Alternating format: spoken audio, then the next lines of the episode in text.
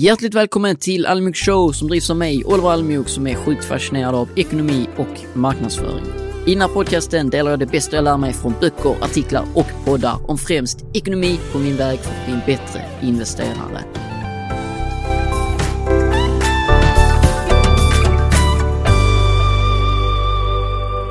Hjärtligt välkommen till dagens podcastavsnitt som kommer utgå från den här fina boken Just Keep Buying som är en av mina topp fem böcker måste jag säga inom eh, ekonomi, investeringar och sparande. Som du ser här också har en eh, ny setup om du kollar på videon, eh, har en fin podcast-mick här så jag ska försöka få ännu bättre, bättre ljud. Och eh, den här boken om vi går tillbaka till den, tycker jag är extremt bra. Vi kommer att prata lite om sparande, pension. Man sparar ofta för mycket pengar om det är så att man är en sparare till att börja med. Och att statistiskt underbygga saker tycker jag är sjukt bra för det är lätt att ha olika tankar om hur man ska göra eller om man läser någonting. Men Nick eh, Majuli som har skrivit den här boken är väldigt duktig på att just använda statistik och förklara på ett extremt enkelt sätt. Så jag ska försöka förmedla lite av hans visdom till dig som tittar för jag har lärt mig väldigt mycket av den här boken personligen. Och han har också eh, en blogg som heter Off Dollars and Data där han släpper en ny artikel varje tisdag som jag brukar läsa varje vecka. Muy bien. Så nu, eh, nu drar vi igång det här eh, avsnittet vänner. Om vi hoppar in i första lärdomen jag tog med mig från boken är det att det finns en tid för när du ska fokusera som allra mest på att tjäna pengar och en tid när du ska fokusera som allra mest på att dina investeringar ska öka över tid. I början av ditt liv så har du förmodligen mindre kapital tillgängligt att investera. Så att då försöka lägga ner extra tid på att hitta någon halv procent, en procent högre avkastning där kommer göra väldigt lite skillnad i förhållande till att kanske investera i ett, en företagsidé, att ta ett extra jobbpass på Coop eller ICA. Om du kollar på den här grafen till exempel som jag har med här, så står savings matter, matter early in life. Investments dominate later in life. Alltså att det finns en period för när du bara ska lägga undan pengarna och spara dem på sparkonto eller investera dem kanske i billiga fonder. Men sen finns det en tid senare i ditt liv där det spelar större roll att kolla på vad har jag gjort för specifika val för mina investeringar. För om du är eh, 20-30 eh, som den här grafen visar, likt mig, det spelar inte så stor roll. Det är ränta på ränta effekten ger som mest skjuts på slutet när vi har större kapital. Så såklart ska du försöka ha så bra investeringar som möjligt, men jag har själv gjort det misstaget att försöka nörda ner alldeles för mycket i investeringarna. Och då blir det ju ett problem, för du hade förmodligen tjänat mer pengar på att ta ett extra jobbpass bara, eller jobba på, på din affärsidé till exempel. Och det här är ju lite kritik till mig själv också, för jag pratar väldigt mycket om investera dina pengar på börsen, låt dem jobba åt dig. Fast när, om du är 15-20, det är bra att lära dig redan nu om vad börsen innebär och hur du kan använda den, kanske månadsspara en liten summa. Men de största pengarna och avkastningen kommer du få på om du till exempel vågar starta ett företag, en business, eller om du går ut och jobbar varje helg. Så alltså allting har ju sin tid på sätt och vis. Och du tjänar ju inte så mycket pengar när du är väldigt ung på att sitta och nörda ner dig i vilka aktier och fonder är allra bäst att välja. Dock kanske det är ett stort intresse för dig, då ska du såklart få göra det. Och du kanske blir en extremt duktig investerare när du är 40-50. Så det, det, är liksom, det här blir ett generellt tips, men generellt sett så är det lätt att lägga för mycket tid på sina investeringar i en ung ålder, när det inte gör så mycket, eh, spelar stor roll för ens avkastning, för du får förmodligen bättre avkastning på din tid att ta ett extra jobbpass till exempel. Också just det här med att spara pengar, någonting jag har lärt mig en hel del om på sistone. Att så här, förmodligen kommer din inkomst öka under ditt liv. Du blir mer eh, erfaren, får mer skills och det är också rätt generellt så här bara, du, du får en löneökning varje år. Liksom. Det var inte vara så att du har gjort något bättre, men du får ju den för att justera mot inflation och sånt. Så andelen pengar du bör spara bör ju inte vara statisk, för det kan ju vara så att i, dina unga, i din unga ålder så ska du såklart spendera mer pengar. Det är ju sen när du kanske är 30-40 så har du större möjlighet att spara pengar. Det ser ju dock olika ut för alla, för man bygger boende och så vidare. Men till exempel att spara 10% varje månad har jag ju själv sagt ibland och det är liksom en bra generell regel. Men den är ju svår att applicera för allting beror ju på vilket stadie av ditt liv du är och hur mycket du kan spara. Så jag tänker det kan vara bra att tänka på det att du behöver inte spara en statisk andel av din lön hela ditt liv, för sparar du 10, 10% när du är 20 så kanske det innebär 1000 kronor.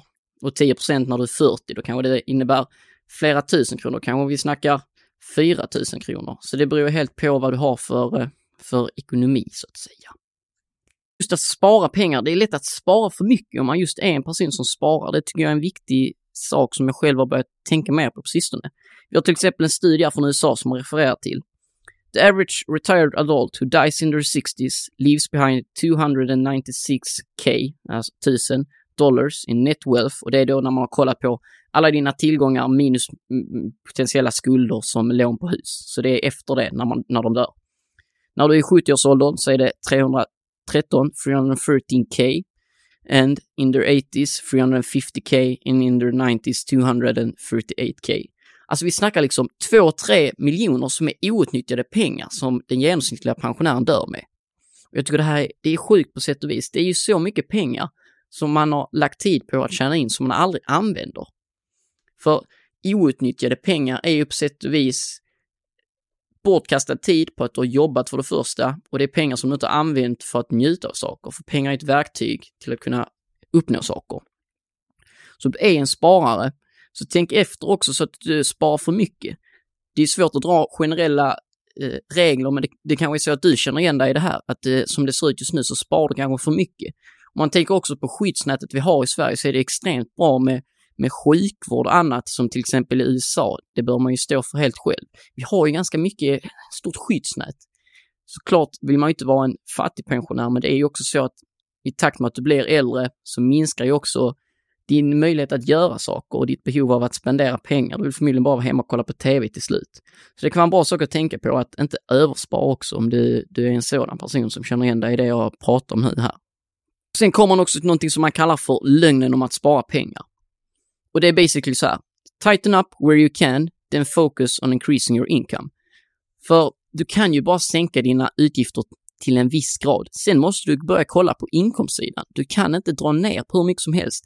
Att sitta och klippa ut matkuponger kanske inte ger den bästa avkastning på din tid. Du kanske borde istället fokusera på att eh, ta extra ansvar på jobbet som ger dig en löneökning eller börja med någon side hustle eller liknande. Och det finns väldigt många olika tillvägagångssätt för att öka sin inkomst som han tar upp i boken. Men det är fortsatt så, vilket inte kanske stämmer, eller vilket man kanske inte får uppfattningen av på internet och sociala medier.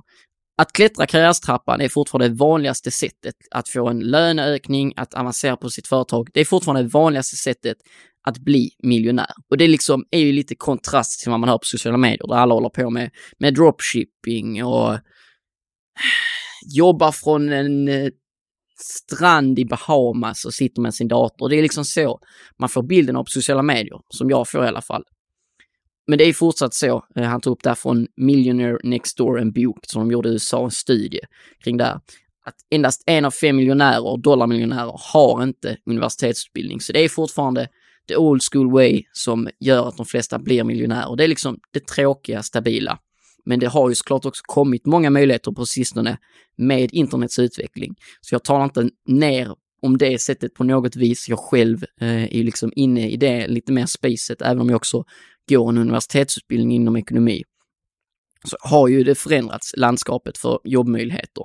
Men det är fortsatt så, det tråkiga och stabila, att klättra på företag och ha en universitetsutbildning som är det vanliga sättet att bli en miljonär. Och Nick kommer fram till att slutmålet för investeringar The end goal should be ownership, using your additional income to acquire more income producing assets. Och så slutändan är på något sätt att ha ägarskap. Det är så du får som bäst, bäst avkastning på dina pengar. Och då kan det vara income producing assets. Eh, äh, income producing assets, det är då tillgångar som ger dig en inkomst. Till exempel då börsen, du äger aktier, fonder, fastigheter eller ett eget företag. För det är att vi har ju humankapital är liksom all, allt arbete du kan utföra, all din kapacitet. Och målet är liksom att ta ditt humana kapital och göra om det till finansiellt kapital, eh, pratar han om. Att det är slutmålet.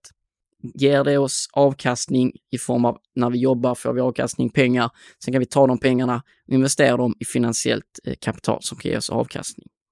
Om vi hoppar vidare att vi då spenderar pengar i någonting som eh, man pratar väldigt lite om inom så här finans, Insta, Twitter grejer och så vidare. Så det blir lite så här, om du börjar investera och spara så blir du väldigt högt på det och så glömmer du allt annat. Men i slutändan, det är ju ingen tävling som har mest pengar på kontot. Ingen, ingen bryr sig om det. När du är död så är du död. Liksom, sorry to break it to you om det är så du känner, men ingen bryr sig om hur mycket pengar du har på kontot. I slutändan handlar det om att eh, vad jag tror, eh, och lite vad den här boken är inne på, att få ett så upplevelserikt liv som möjligt, det är på sätt och vis alltså dina minnen du lever på, upplevelserna du har varit med om.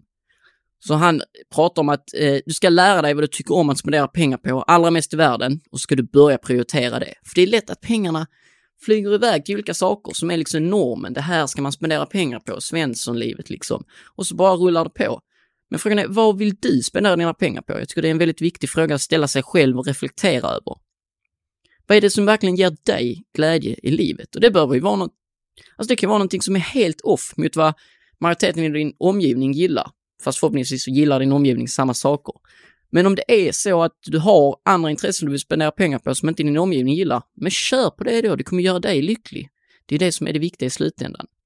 Sen är det såklart fint om familjen kan vara med också, med också på ett hörn ju. Man ska inte ditcha dem så, men äh, jag hoppas du, du förstår vad jag menar. Och för majoriteten så är det ju upplevelser som kommer ge en allra mest lycka eh, i livet om man kollar på undersökningar.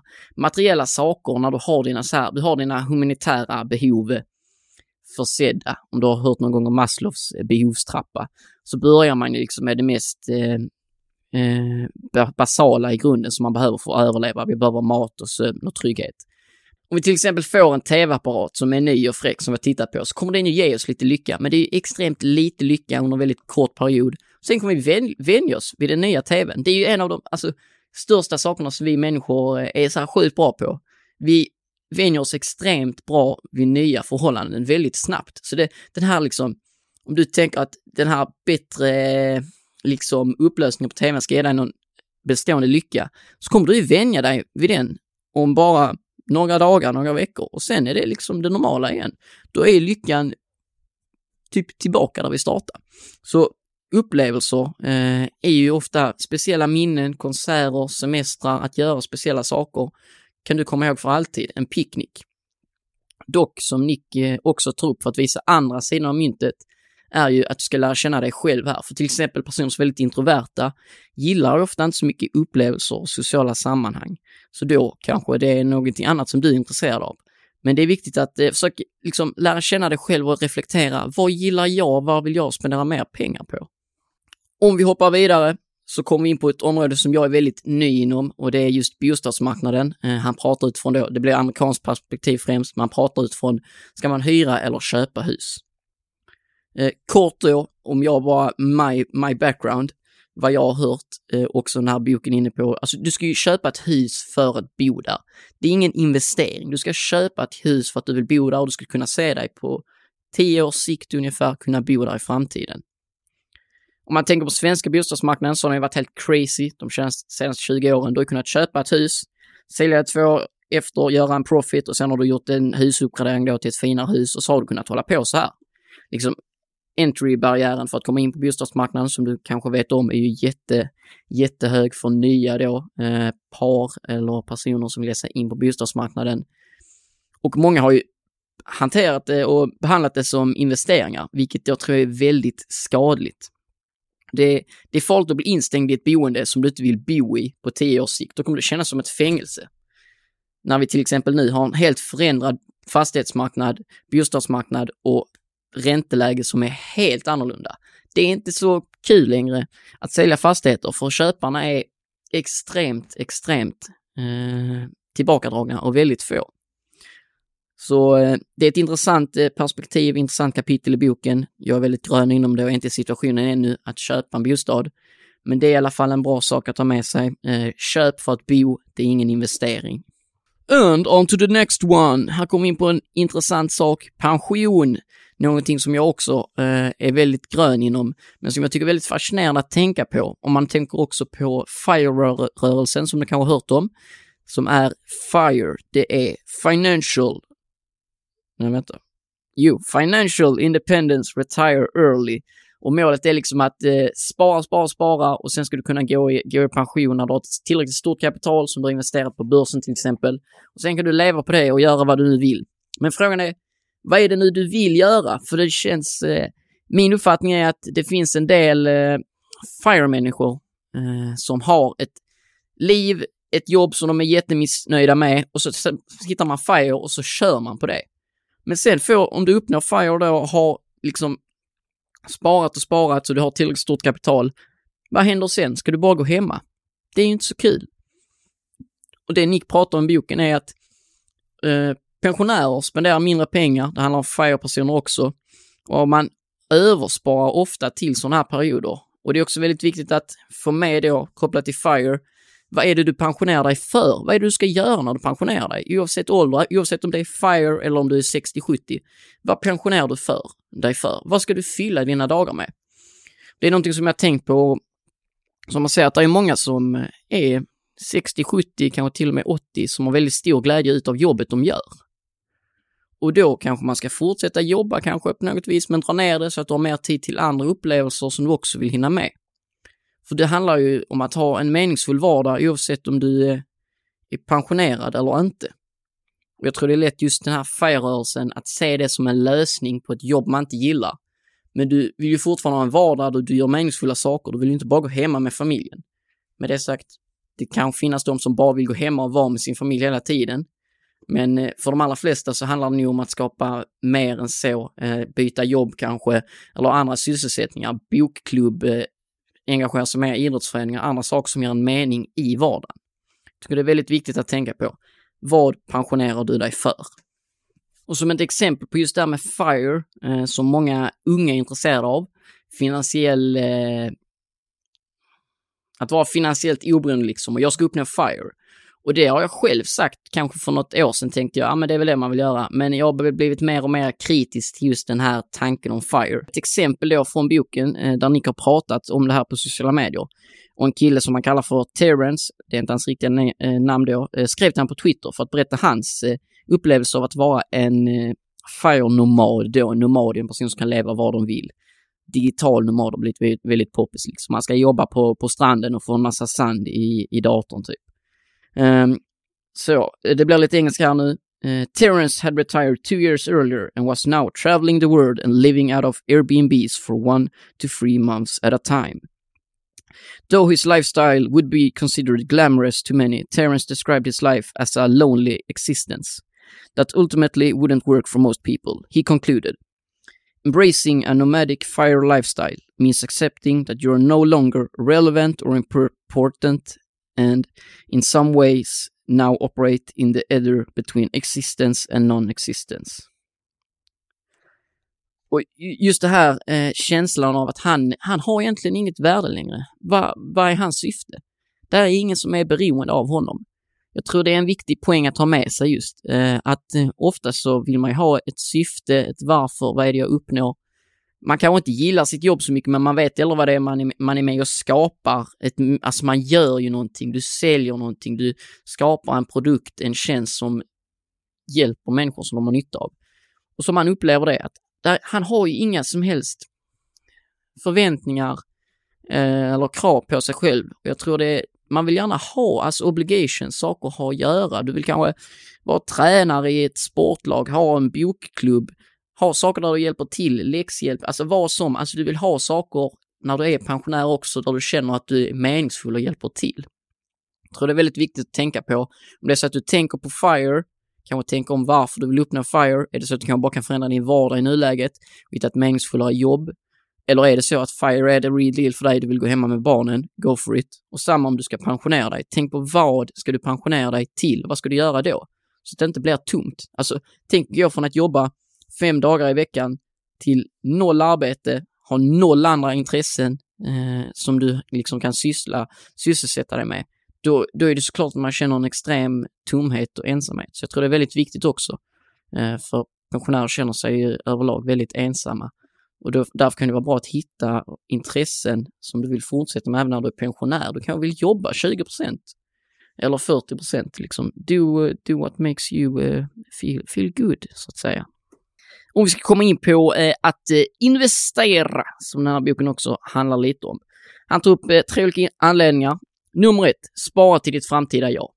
Eh, det finns ju, sen How I Met Your Mother så säger typ eh, en av huvudkaraktärerna där, Ted Mosby, ett tag bara, you know what, that's Ted Tomorrow's problem. Och så kan man ju tänka. Men eh, sen helt plötsligt står du där och så är du eh, Ted imorgon och då är det ju inte så kul om du inte har sparat till dig själv. För du kommer ju behöva pengar i framtiden. Och också om vi ska gå tillbaka till det jag nämnde om humankapital och finansiellt kapital. Du har ju som mest kapacitet, humankapital, hur mycket du orkar jobba eh, i början av ditt liv. Och du vill ju ta det i, i takt med att du orkar mindre och mindre och så vill du förvandla om det humankapitalet till ett ökande finansiellt kapital. Det tycker jag är liksom en bra, bra sätt att se på varför du bör spara till ditt framtida jag. Nummer två, skydda din rikedom mot inflation. Inflation, the, the word of the year kanske 2022. Du vill skydda dig mot inflation helt enkelt. Du vill ha tillgångar som gör det möjligt att eh, öka eh, din köpkraft över tid så att den inte förminskas. Och där är börsen till exempel en väldigt bra sök för det. Och nummer tre var just där, konvertera humankapital till finansiellt kapital. Jag slog ihop ettan och trean där. Men eh, basically det här då att du vill ta ditt humankapital, din eh, möjlighet att producera värde för andra som gör att du får en lön eller annan typ av ekonomisk belöning. Och så vill du omvandla den till finansiellt kapital som du kan leva på senare i ditt liv när du inte har lika stort humankapital. Sen går han vidare att ranka olika investeringstyper. Eh, och min resa so far som investerare har främst varit på, på börsen. Eh, man kan också säga att jag kan ha börjat på en av de andra sakerna som man tror på också, vilket är företagsbyggande. Jag vet dock inte om jag kommer att fortsätta på den, den biten, men jag tror i alla fall att det kommer vara del, del av mitt liv. I så fall om man börjar jobba på något företag kanske man vill ha aktieoptioner, vilket ger en möjlighet att köpa aktier i framtiden till ett förutsatt pris. Till exempel, eller så kör jag kanske all out solo själv och har ett eget företag och då är jag ju aktieägare till hela företaget, får ta del av utdelning till exempel om jag vill att göra det från företaget. Och en viktig sak som man tar upp här eh, och en intressant sak om investeringsbiten är ju varför man kan ha räntor i sin portfölj. Om du till exempel har sett eh, Lysa som är en fondrobot som jag själv använder till majoriteten av mina investeringar, så är det ju att räntor kan ha en funktion i din portfölj för att dra ner risken. Den kommer att ge lägre förväntad avkastning i förhållande till aktier då, som du köper via fonder på Lysa. Men räntor kan fungera som liksom bromspedal i din portfölj som eh, gör att det känns bättre i magen. Och jag har tagit ut en mening här eh, från boken som är så här. We buy stocks so we can eat well. We buy bonds so we can sleep well. Och det är bonds är då räntor, eh, räntepapper.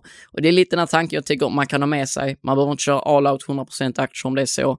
Eh, att du kanske vill ha lite, lite räntor för att det ska kännas lite bättre i magen och bli mindre svängningar i portföljen.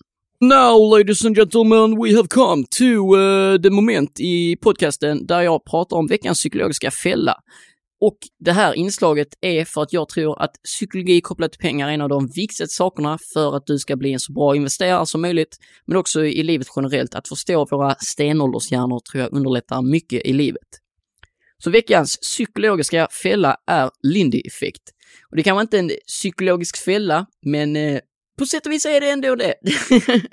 så det här går ut på att, som han tar upp i boken, somethings, eh, någontings popularitet i framtiden är proportionerligt hur länge det har funnits bak i tiden. Och det här kan man tänka på till exempel att kolla på Mozart versus Metallica. Ta författaren som exempel i boken att förmodligen kommer Mozart vara mycket större i framtiden än vad Metallica är. Och det är utifrån då någonting man kallar för Lindy-effekt, där man har kunnat se att om någonting har varit väldigt stort under en lång tidshorisont bak i tiden så kommer det förmodligen, bam, Har en stor påverkan i framtiden också. Och jag kan tycka att det är i alla fall ett fascinerande koncept man kan ha med sig, att till exempel tänka på att det som är verkligen the big thing just nu, men som kanske bara funnits i några få år, hur stor påverkan kommer det egentligen ha i framtiden? Och det kan hjälpa dig som investerare ibland att titta på, eh, det är inte givet att bra, att väldigt historiskt stabila bolag kommer att finnas i framtiden. Men man kanske kan titta på också trender som har funnits. Det finns vissa trender som har funnits genom mänskligheten alltid. Till exempel betting och gaming är ju någonting som man kan etiskt frågasätta, men det har ju funnits under en extremt lång tid. Och eftersom vi människor inte biologiskt evolutionerat, liksom evolutionellt utvecklats något dramatiskt så är jag svårt att säga att det liksom inte skulle finnas framtiden. Om man tänker utifrån Lindy-effekt så är det väl också rimligt att tänka att vi kommer att se det mycket i framtiden också då eftersom det har funnits så lång tid eh, baktiden. Så Lindeffekt kan vara en intressant sak att tänka på när du kollar på olika saker och hur det kan påverka i the future. Och eh, Mr Nick Majuli han eh, förespråkar att investera i indexfonder, som jag också brukar prata eh, en hel del om, eh, att investera på börsen. Och om vi tar några, några godbitar från eh, det här då biten om indexfonder så säger han “The best performing 4% of listed companies explain the net gain for the entire US stock market since 1926”. Så det han säger här är att för hela den amerikanska börsmarknaden från 1926 är det endast 4% som förklarar eh, nettouppgången, avkastningen. Och det tycker jag är ganska sjukt och just det här är också en bra anledning till varför indexfonder är så fina. För de bästa bolagen över tid kommer inkluderas i indexfonderna och de, när det går se som sämst för bolagen kommer de knuffas in och så kommer det komma in nya bolag på den här listan så att säga då som är index, det är en lista Eh, av, eh, av bolag och så har man olika liksom, kriterier. Ska det vara de största bolagen i världen? Ska det vara största bolagen i Sverige? Ska det vara små bolag? Vad har vi för kriterier? Och så bygger man en indexfond, eh, en lista utifrån det som har, man har olika krav på. Jag har gjort avsnitt om det här tidigare, varför jag gillar det här så mycket. Men en punkt jag dock inte tagit upp innan, som han pratar om varför man kan se indexfonder som en så bra indexfonder som en så bra investering är den existentiella aspekten. Och då säger han så här. The payoff you do eventually get has to be compared to the payoff of buying an index fund like the S&P 500. So even if you make money on absolute terms you can still lose money on relative terms. Och jag hoppas du inte blir avskräckt av det här nu, absolut och relativa grejer. Jag ska försöka förklara det på bästa möjliga sätt nu.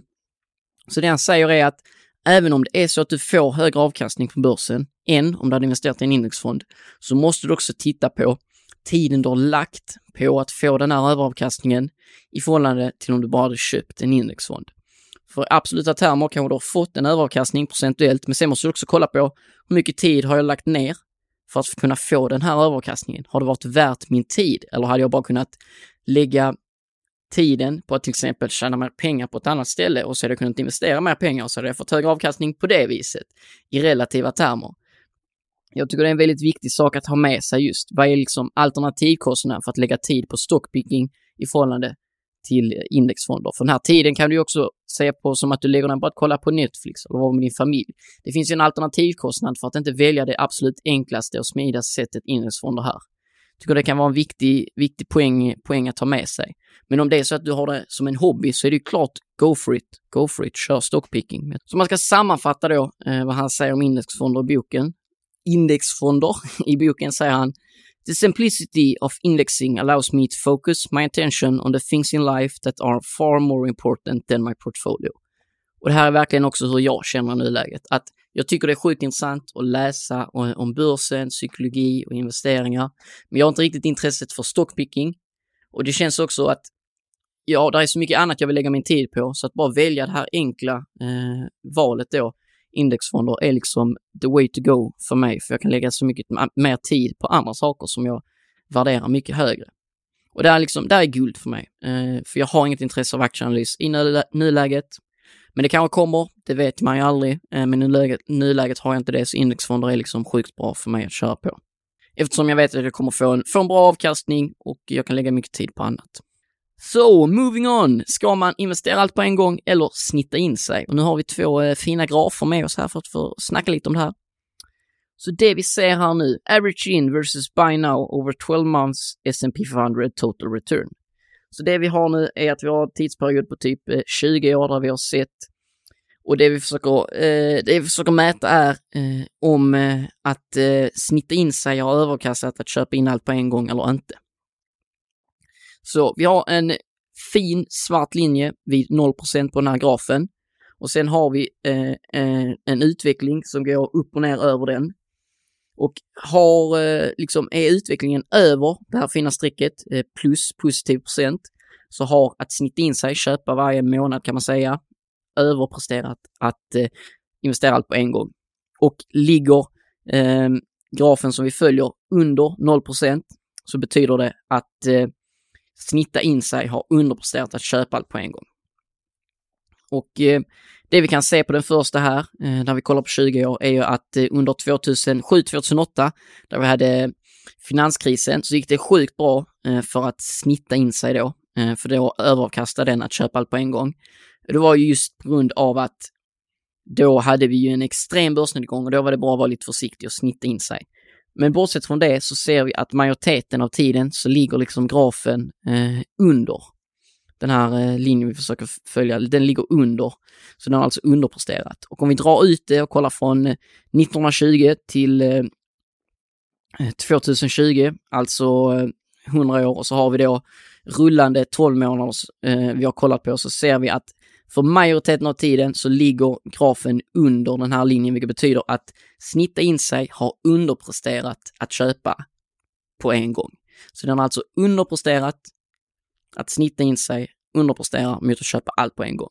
Och förklaringen till det här är um, While it can feel like we're always on the cusp of a market crash, the truth is that major crashes have been quite rare. This is why average in has underperformed by now throughout most of history. If you think that the market is overvalued and due for a major pullback, you may need to wait years, if ever, before you're vindicted. Consider this before you use valuation as an excuse to stay in cash. För anledningen till varför det är så eh, mycket bättre generellt sett att investera allt på en gång, det är för att du vill vara med på hela resan, för du vet aldrig när nästa stora nedgång kommer. För det är faktiskt ganska sällan som en stor nedgång kommer och eh, det har funnits många som ropar hej och säger nu kommer kraschen, nu kommer kraschen. Men att då ha dina pengar sittande vid sidan om kostar det extremt mycket pengar, för vi vet aldrig när den nedgången kommer. Så därför eh, är det dumt att sitta med för mycket cash på sidan om. Om du förstår vad jag menar. Dock så är det här liksom inte ett sätt att mottala att månadsspara, för det är extremt bra. Men det, det är liksom, jag, det jag försöker visa här är att köra in eh, och börja investera desto tidigare är väldigt viktigt och du ska inte ta, ha för mycket cash vid sidan om för att du är rädd för en börskrasch, för sådana förutsägelser är extremt svåra att genomföra. För om vi då kopplat till det där hoppar in på månadssparande så är det extremt viktigt, tar också upp, att du ska inte försöka tajma börsen. Det var inte det vi försökte visa med det här. Det vi visade med graferna innan var att det är viktigt att ha pengarna på börsen så länge som möjligt för börsen ger avkastning och även om vi får en nedgång så kommer vi till slut sätta nya liksom all time high. Så därför är det över så här rullande 12 månadersperioder som den här grafen var på bättre att investera allt på en gång eh, i förhållande till att sitta med för mycket cash vid sidan om. Eh, men Nick testar också att simulera att du träffar botten perfekt innan varje ny topp kommer. Eh, men inte ens det slår att månadsspara. Så det han försöker göra här då är att hitta någon typ av gud som vet exakt historiskt om vi har en nedgång, när kommer lägsta punkten innan vi får en ny uppgång?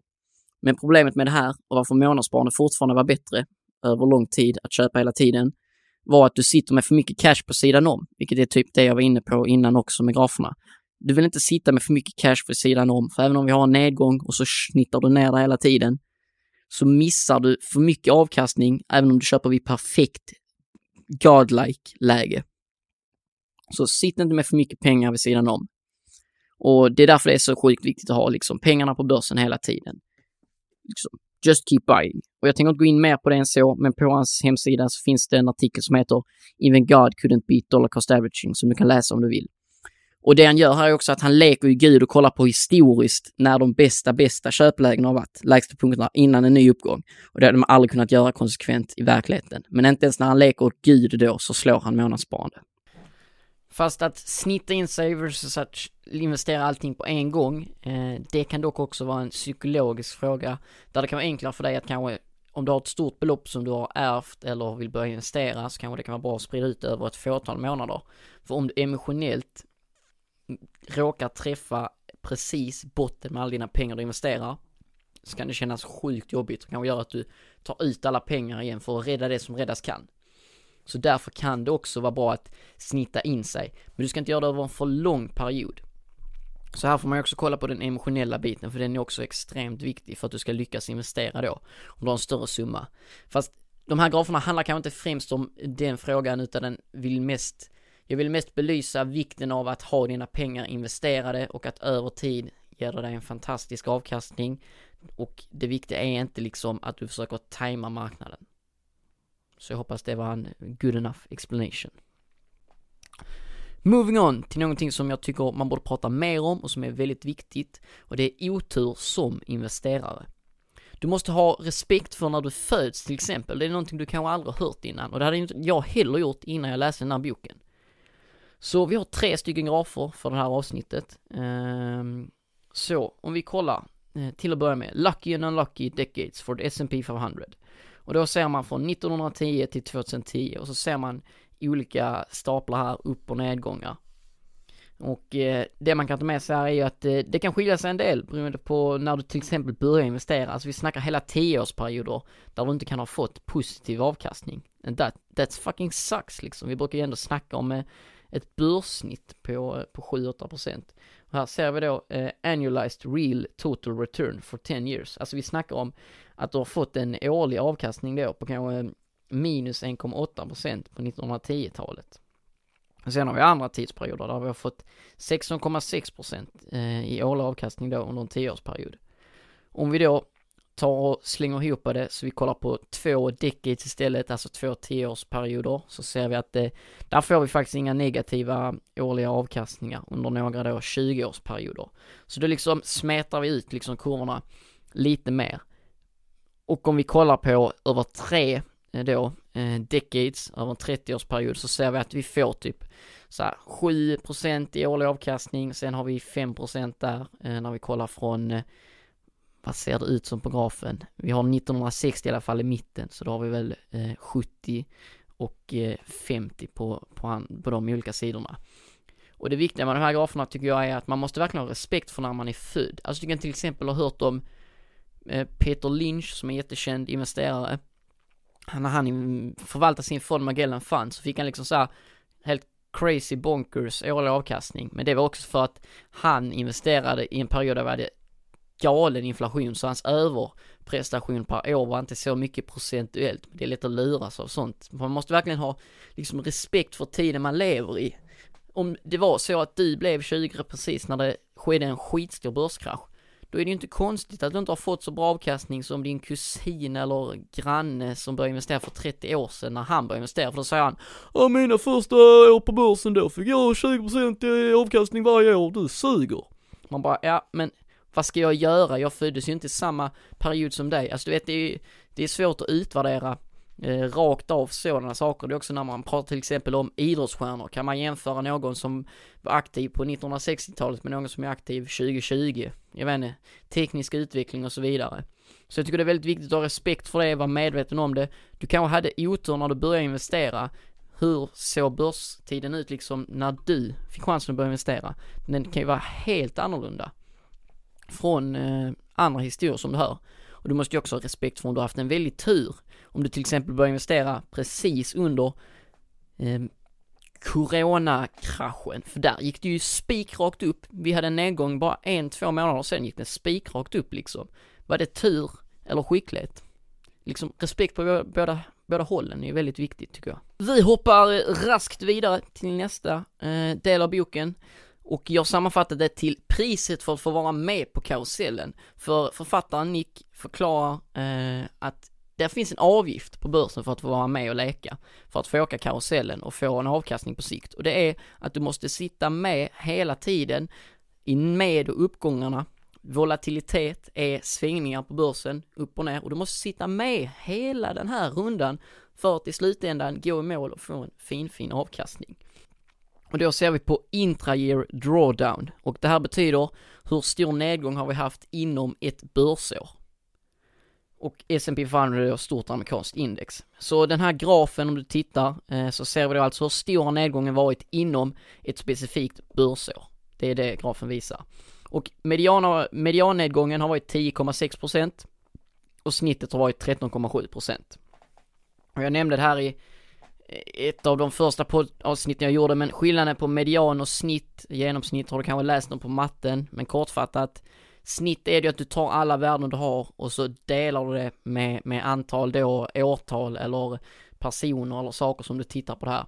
Medan median är att du ställer upp alla värden du har och så kollar du på värdena som befinner sig i mitten. Värdet eller värdena beroende på om du har jämnt eller, eller ojämnt antal som du tittar på. Och eh, median kan vara bättre att använda inom eh, så här, finans ibland för att eh, om du har väldigt så här sjuka värden som du räknar med på ett genomsnitt för att alla vara med så kan du få ett crazy medelvärde som dras upp eller dras ner av extrema, extrema utfall. Medan median får du då liksom, om du kollar på mittenvärdet så kan det ofta ge lite mer så här balanserat resultat. Men de är bra båda två, båda har sin funktion det kan vara bra att titta på båda som vi gör här då. Liten utläggning där om median versus genomsnitt. Så, vi har den här, så det vi kan, alltså varje år då kan vi dra som slutsats, kommer vi få en, en, en nedgång då, median på 10,6%, snitt 13,7%. Så det är liksom en så stor nedgång ser vi varje börsår, det är naturligt. Och det ser ut på samma sätt eh, på, på svenska börsen. Dock har jag inte tagit fram någon graf på det, men det ser ut på liknande sätt på svenska börsen. Och så stor nedgång har vi liksom varje börsår. Nedgången är priset vi betalar. Om man eh, drar ut och kollar på längre eh, tidshorisont så finns det statistik på hur ofta en eh, stor börsnedgång på 20, 30, 40 procent sker och så vidare. Men den här resan måste vi vara med på. Vi måste vara med på att vi får då till och med en sån här nedgång på typ 10 procent varje år. Och det är the price we pay för att vara med. Och en intressant sak man också kan titta på är att efter de här riktigt stora nedgångarna under ett specifikt år, därefter brukar vi ha en väldigt stor uppgång på börsen. Till exempel efter då finanskrisen 2027-28 så har vi liksom en stor uppgång därefter. Det kan vara bra att ha med sig. Det är liksom eh, i de värsta tiderna eh, som man kan göra bästa klippen. Nästa avsnitt, att sälja rätt, för det är en väldigt viktig del också av att investera. För anledningen till att vi investerar är ju för att i framtiden liksom använda pengarna till att var, hjälpa oss att skapa det liv vi vill leva. Så att sälja är också en väldigt viktig del av att investera. Om då känner att du kanske vill sälja av pengar för eh, att eh, använda dem då, vilket är great. Eh, om du vill köpa ett hus eller någonting annat, eh, så säger Nick att eftersom marknader tenderar att gå upp i värde är det ofta bäst att sälja så sent som möjligt. Så därför kan det alltså vara bra kanske eh, sälja i omgångar eh, istället för på, på en gång. Och en annan del som man tar upp i det här kapitlet också är att det är väldigt viktigt att rebalansera, eh, ombalansera din portfölj för avkastningen på sikt. Uh, och det, här, det är just att du har kanske, när du börjar så säger du jag ska investera 10% i den här aktien, 20% i den här fonden och så vidare. Men över tid, helt naturligt, så kommer den här uh, fördelningen att förändras eftersom det kan gå bättre för vissa investeringar och sämre för andra. Och då får vi en procentuell fördelning som inte är alls den vi vill ha. Och att ha rätt fördelning är en väldigt viktig sak för avkastningen på sikt och därför kan det vara bra att ombalansera årligen till exempel för att behålla rätt eh, riskfördelning av de olika eh, investeringstyperna. Till exempel fondroboten Lysa gör det helt automatiskt åt dig. Rebalanseringen mellan aktier och räntor och också fördelningen mellan de olika fonderna. Och för att förklara det här med att ombalansera tydligare så ser vi här en graf på en 60-40 portfölj där vi har 60% aktier, 40% räntepapper. Där vi börjar då 1930 med att ha just rätt fördelning. 60 eh, aktier, eh, percentage in stocks slash bonds.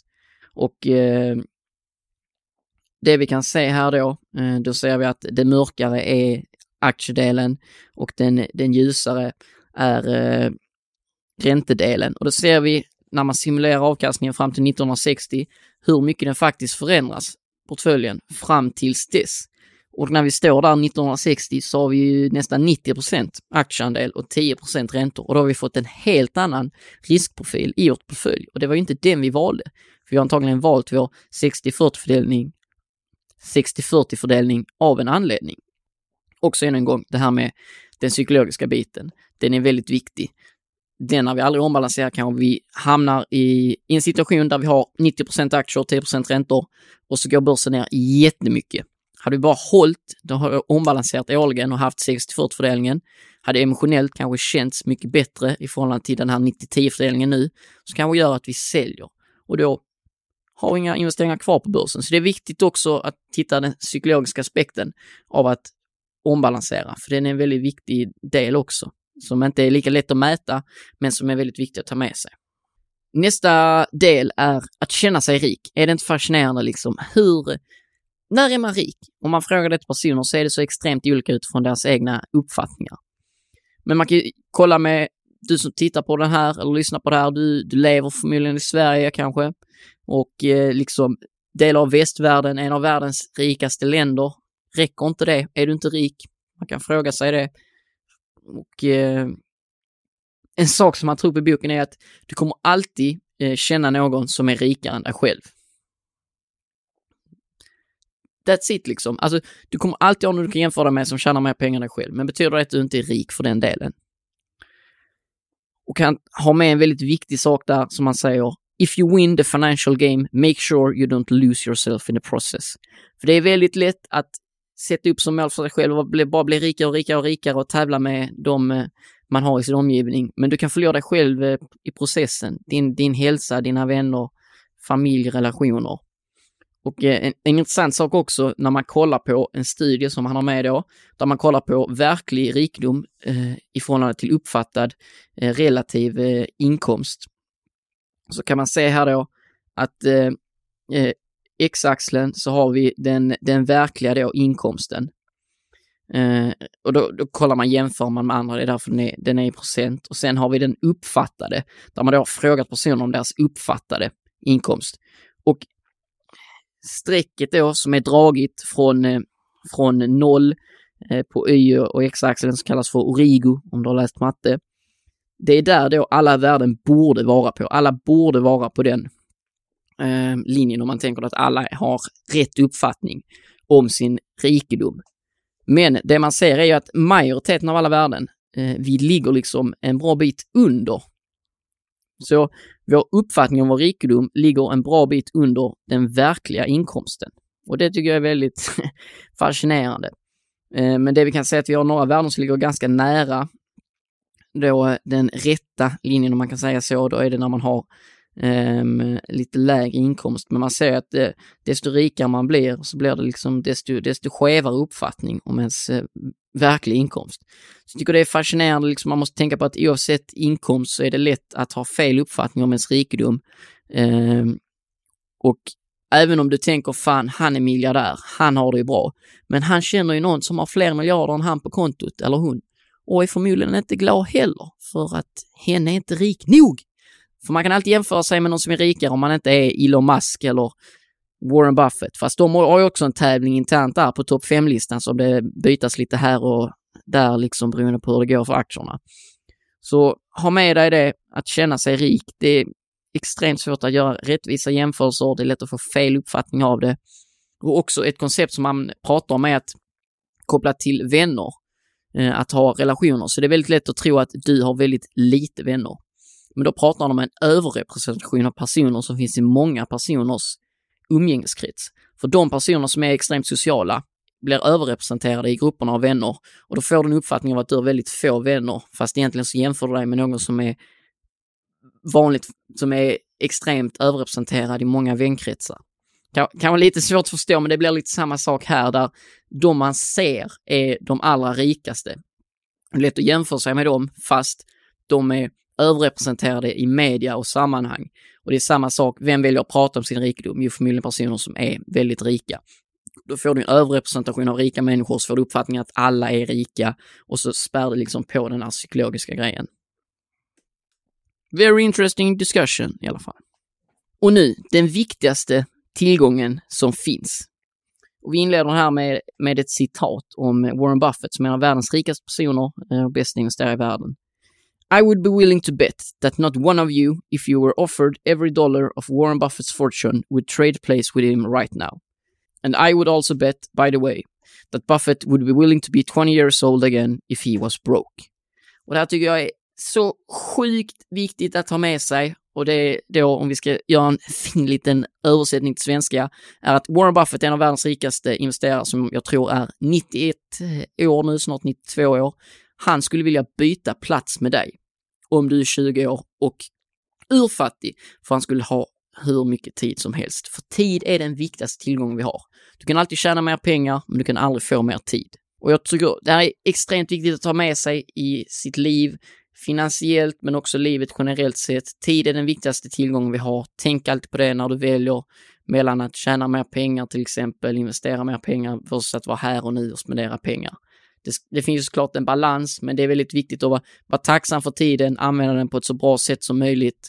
Um, den är begränsad och en intressant sak är att till exempel när man är 60, 70, 80, hälsan börjar gå ner, så lägger man extremt mycket pengar på att försöka förbättra den.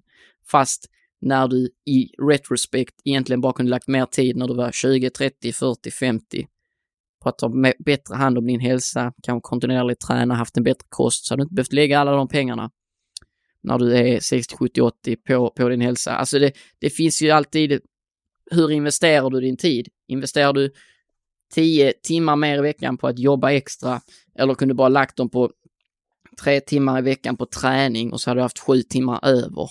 Och så hade du inte tjänat lika mycket pengar, men du hade inte behövt lägga lika mycket pengar i framtiden på sjukvård. Nu har vi ju, funkar ju bättre i USA det här exemplet med sjukvård, för vi har ju väldigt, all sjukvård är väl typ gratis i Sverige förutom de så här mest avancerade eh, operationerna. Men i alla fall, du kan alltid tjäna mer pengar, men du kan aldrig få mer tid. Viktigt att tänka på när du prioriterar saker. Ska man vara med familjen och tjäna mer pengar till exempel? För många ångrar ju, det är ju ingen som ångrar att de inte jobbar mer, men det är många som ångrar att de inte var mer med sin familj till exempel. Så det får avsluta vår diskussion. Jag tycker det är passande att vi avslutar med den sektionen också eftersom jag tycker den är, den är väl det mest viktigaste man ska ha med sig. Eh, att du kan alltid tjäna mer pengar, men du får aldrig mer tid någonting som är lätt för mig att bli så här obsessed och bara jobba och jobba. Men jag försöker också tänka på det, att värdera och tänka vad som egentligen är det viktigaste här i världen. Så sammanfattningsvis, jag tycker den här boken tolkar sjukt mycket data på ett enkelt och förståeligt vis. Jag har haft med några grafer ur boken här. Eh, och jag rekommenderar den eh, varmt om det är så att du känner att eh, du vill lära dig mer. Och även hans blogg då, Off Dollars and Data, han släpper en ny bloggpost varje tisdag som är väldigt enkelt skriven, på engelska dock. Jag tror den här boken finns översatt till svenska nu också. Den borde vara det i alla fall, tycker jag. Ehm, och sista medskick blir ju det som boken heter. Just keep buying nu under börskraschen, det löser sig oavsett summa. Keep at it, just keep buying. Med det sagt, har du någonting du vill diskutera eller snacka om, hit me up. Jättekul att diskutera och höra dina tankar om det är något du kände att du vill prata mer om, som du kände verkligen fastnade med dig, eller om det är något jag kanske råkar säga fel eller så, som du inte håller med om, så får du gärna skriva det också. Eh, so, with that said ladies and gentlemen, thank you for listening and I'll see you next week, antagligen. Ciao!